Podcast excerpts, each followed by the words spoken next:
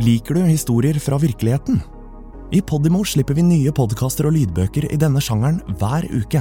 Dokumentarer, personlige historier og true crime. I denne spillelisten kan du høre et utvalg av våre mest populære titler. Podimo.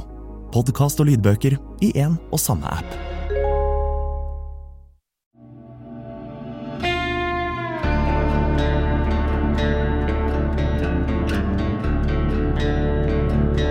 Rana er Nord-Norges fjerde største by, med sine drøyt 19 000 innbyggere. Byen ligger fredelig til på Helgeland, innerst i en vakker fjord, men er likevel preget av å være en gammel industriby. Byen er ikke større enn at det føles som om alle kjenner alle, og hvis det skjer noe, da begynner ryktene fort å gå. Det er søndag 13. mars 2011. Og nyhetene i Norge preges av et jordskjelv i Japan hvor 15 000 mennesker mister livet. Men for folk flest her hjemme går livet som vanlig.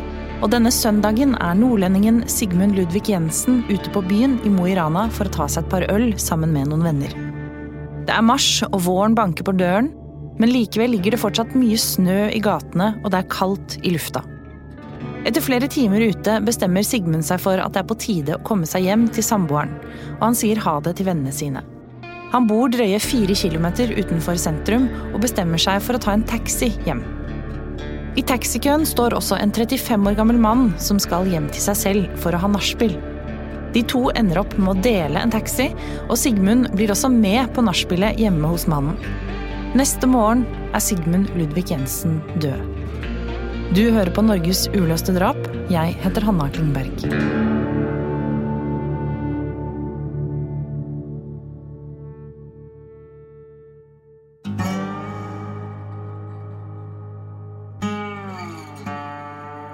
«35-åringen som delte en taxi med Jensen, våkner opp på sofaen hjemme hos seg selv rundt klokken åtte om morgenen.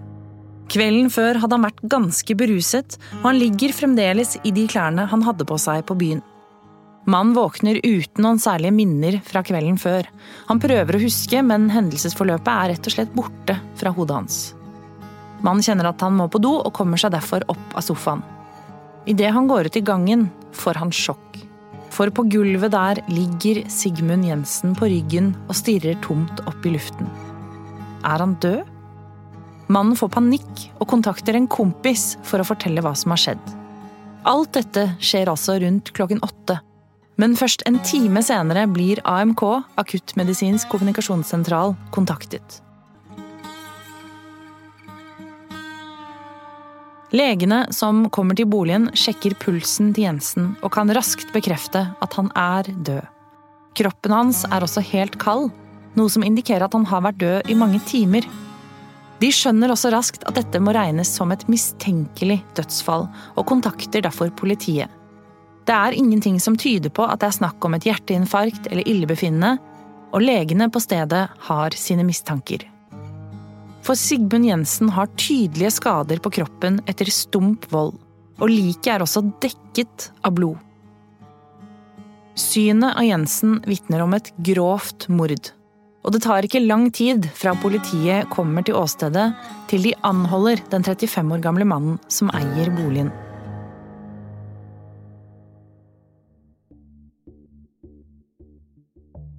Et slikt mord er overhodet ikke hverdagskost i Mo i Rana, og saken blir selvfølgelig sett på som veldig alvorlig.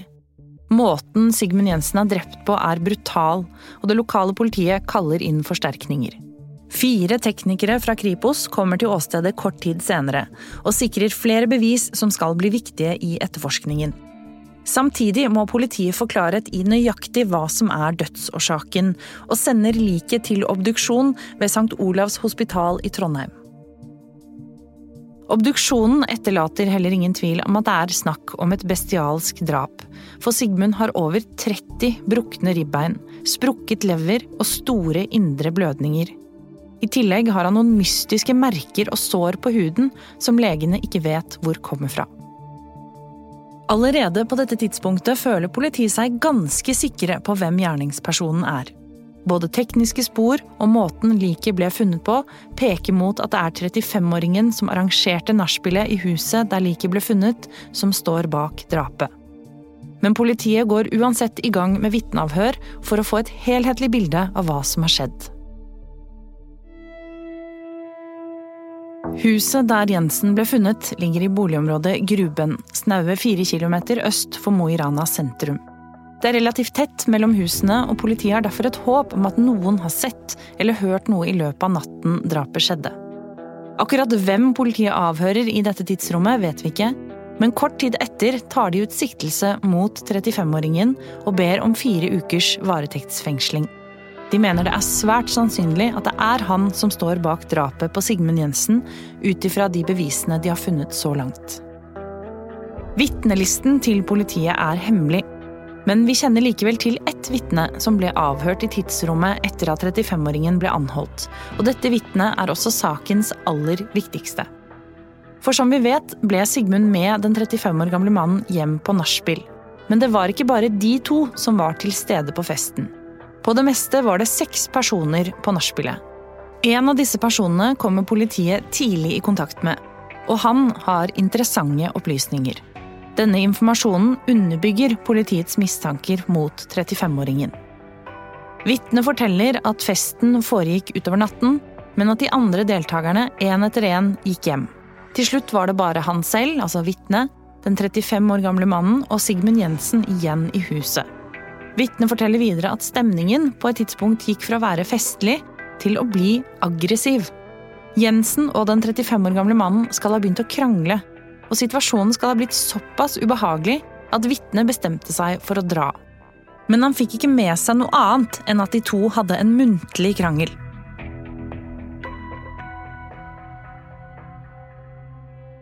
Selv om dette vitnet hevder at han ikke så selve drapet, skal likevel hans vitnesbyrd bli viktig i rettssaken mot den 35 år gamle mannen. 35-åringen blir også avhørt flere ganger i dagene etter drapet. Politiet spør ham gang på gang hva som faktisk skjedde drapsnatten, men den siktede står fast på at han ikke husker noe som helst.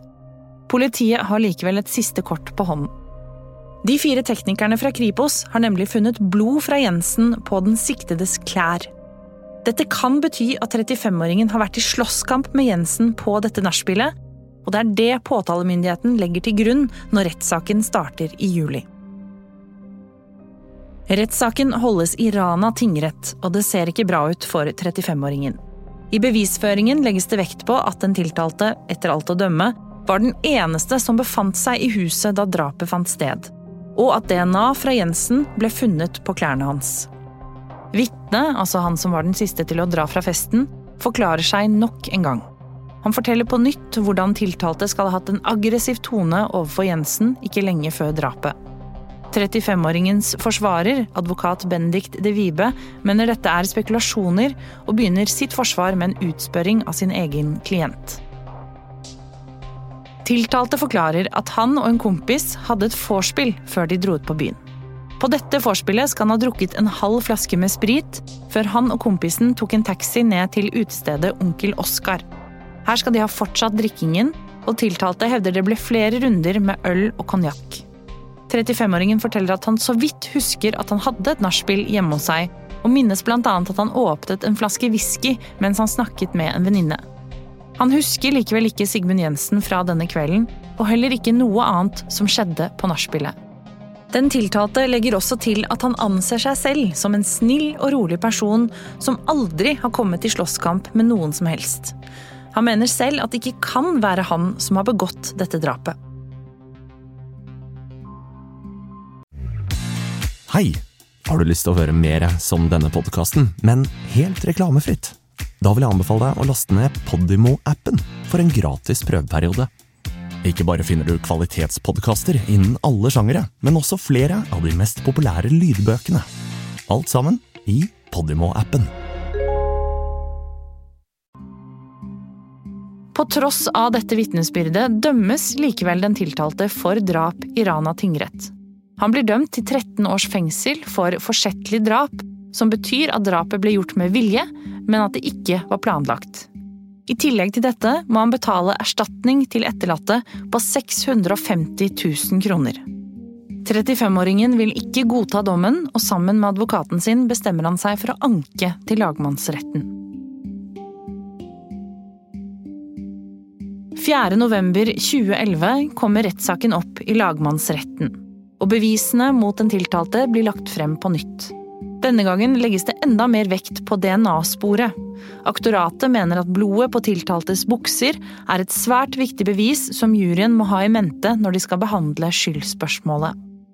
Buksene til 35-åringen var tross alt fulle av blod fra Sigmund Jensen, og det kan tyde på at det faktisk var han som sto bak drapet. 35-åringen og hans advokat mener likevel at dette blodet først kom på buksene morgenen etter at drapet fant sted. Kanskje var også den tiltalte til stede da noen andre drepte Jensen. Problemet er bare at han hevder at han ikke husker noen ting, og derfor kan han heller ikke bekrefte at han er uskyldig.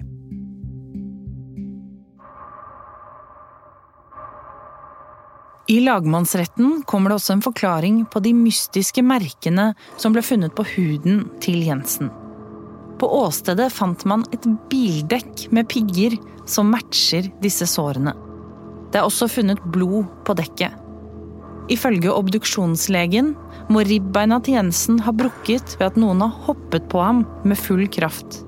Den sprukne leveren mener legen kan ha blitt forårsaket av et spark på bakgrunn av dette mener aktoratet det er sannsynlig at tiltalte har hoppet og sparket på Jensen gjentatte ganger, og så rullet piggdekket over ham. Det er trolig at Sigmund ikke døde umiddelbart av disse skadene, men at han ble liggende en stund før han til slutt døde. Aktoratet legger også frem nytt bevismateriale som ble funnet på åstedet. Annet papir med avdødes blod på, som lå på kjøkkenet til 35-åringen. De mener papiret ble brukt til å tørke opp blodet etter Sigmund Jensen. Tiltaltes forsvarer mener at dette likevel ikke er gode nok bevis til å felle klienten hans, og retter i stedet søkelyset mot politiets håndtering av saken. Han peker på at politiet, helt siden de fant Sigmund Jensen hjemme hos 35-åringen, har vært ensporet i etterforskningen av saken. Han viser til de hyppige avhørene som ble gjort av tiltalte, før man i det hele tatt hadde vurdert muligheten for at noen av de andre festdeltakerne var innblandet. Hvis tiltalte snakker sant og faktisk ikke husker noe fra drapsnatten, er det bare de andre festdeltakerne som kan fortelle hva som skjedde på nachspielet. Og er det ikke rart om politiet ikke har vurdert muligheten for at disse vitnene ikke har snakket sant? Rettssaken fortsetter, og alle bevisene blir nøye diskutert før juryen trekker seg tilbake for å vurdere skyldspørsmålet. Denne prosessen tar lang tid, og det er svært dårlig ventilasjon i det rommet hvor juryen holder på. I ettertid kommer det frem at flere av jurymedlemmene skal ha sovnet mens skyldspørsmålet ble diskutert. Kan dette ha hatt en innvirkning på dommen, slik statsadvokat Erik Trones senere skal hevde? Etter at advokat i Vibe har kalt politiets etterforskning latterlig og skandaløs i sitt forsvar av 35-åringen, setter han seg ned for å avvente juryens endelige dom. Det er ingen tvil om at de aller fleste bevis peker mot 35-åringen, men de Vibe og tiltalte har likevel et lite håp om at de skal vinne denne saken. Etter å ha sittet på pinebenken en god stund, kommer endelig juryen ut, og dommen skal gis. Til salens store overraskelse velger juryen å gi den tiltalte medhold. De konkluderer altså med at det finnes tvil rundt hvem som har drept Sigmund Jensen, og 35-åringen blir derfor frikjent. Til tross for dette må han fortsatt betale 650 000 kroner til Sigmund Jensen sine etterlatte.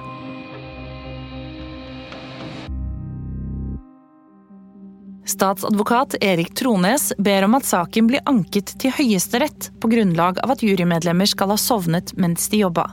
Han mener dette er uholdbart og i aller høyeste grad må regnes som en saksbehandlingsfeil. Trones får ikke medhold i dette, og saken går derfor ikke videre til Høyesterett. 35-åringen er dermed frikjent for drapet og går ut av rettssalen som en fri mann. Senere skal han fortelle at denne frikjennelsen har en bismak. En uke etter at frifinnelsen finner sted, stiller 35-åringen opp til et intervju med NRK. Han velger å være anonym, men har et ønske om å fortelle hvordan denne saken har påvirket ham personlig. I intervjuet forteller han at han ikke lenger kan gå på gata som normalt, og at han blir nødt til å leie ut huset og selge en rekke eiendeler.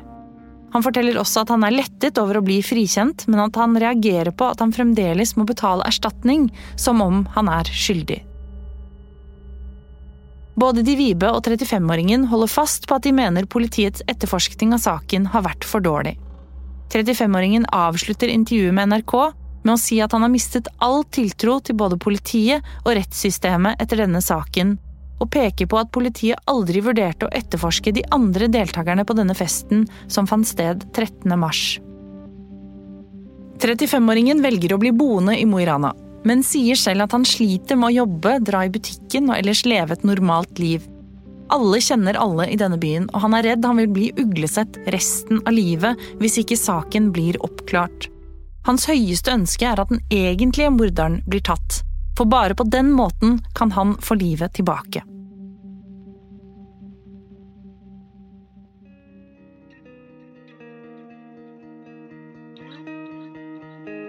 Det er i dag over ti år siden mannen ble frikjent for mordet på Sigmund Ludvig Jensen.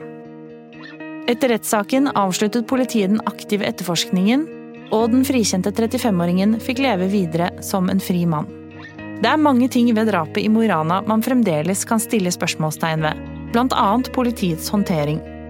Kanskje har 35-åringen rett i at politiet fra starten var ensporet i etterforskningen sin, og kanskje kunne de ha fått andre svar om de også etterforsket de andre personene på nachspielet. Kan noen andre ha kommet inn i huset etter at 35-åringen sovnet? Snakker de andre festdeltakerne sant? Det er mange spørsmål som fremdeles ikke er besvart. I slike saker ønsker alle en oppklaring, sånn at livet kan gå videre. Politiet driver ikke lenger med aktiv etterforskning, men fortsetter å håpe at saken en gang skal bli løst. Det eneste man vet, er at drapsmannen til Sigmund Jensen fremdeles går fritt rundt i samfunnet.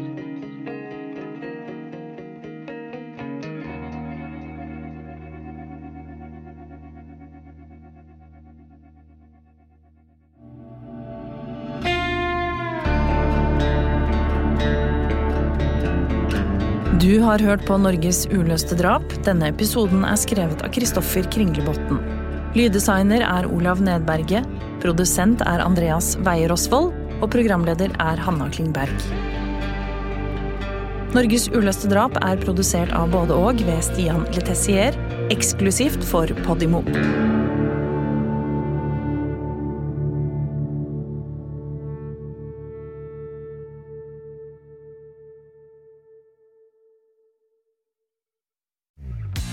Likte du denne episoden? Så del den, da vel. Fortell en venn hva du hører på, og gi følelsen av god lytting i gave til noen du bryr deg om.